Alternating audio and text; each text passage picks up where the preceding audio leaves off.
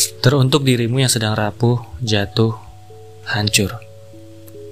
Apa pun yang lagi kamu pikirin, rasain, bayangin, alamin, jangan biarin itu terus menghantui harimu ya.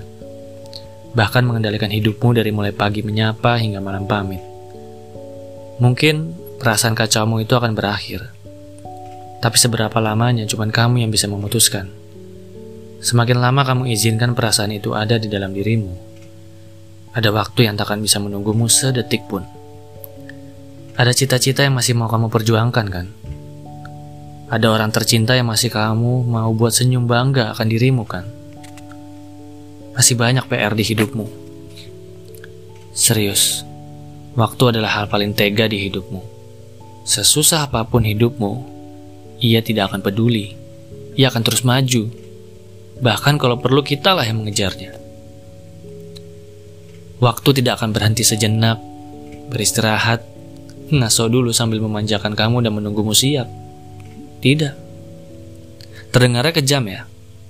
Tapi nggak juga sebenarnya. Ia baik. Ia peduli justru dengan dirimu. Ia punya alasan kenapa tidak akan pernah berhenti untuk menunggumu, tapi malah terus maju. Karena waktu tidak mau membuatmu terlalu berlama-lama sedih. Waktu adalah salah satu kreatif toolsnya Tuhan untuk menyadarkan kita bahwa Hei, hidup lu gak cuma berhenti di sini. Sepahit apa pun yang lu rasain ada hal manis di depan sana.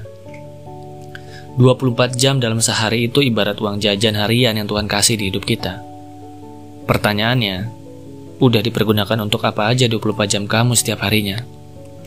Kalau ada saat di mana berjam-jam bahkan berhari-hari dirimu hanya galau, nangis, marah, kecewa, percayalah kawan, hidupmu tidak sedang ke mana-mana sedangkan waktu terus maju semakin jauh meninggalkan kamu. Jadi, gak mau kan hidupmu yang cuma sekali ini sia-sia? Gak mau kan kalau dirimu udah gak ada di dunia ini, dan kamu hanya diingat sama orang lain ya gitu-gitu aja. So, sekali lagi, masalah apa pun yang sedang kamu alami saat ini, ingatlah dua hal penting yang semoga bisa membantu dirimu. Yang pertama, terkadang untuk mendapatkan yang terbaik, harus melewati yang terburuk terlebih dulu.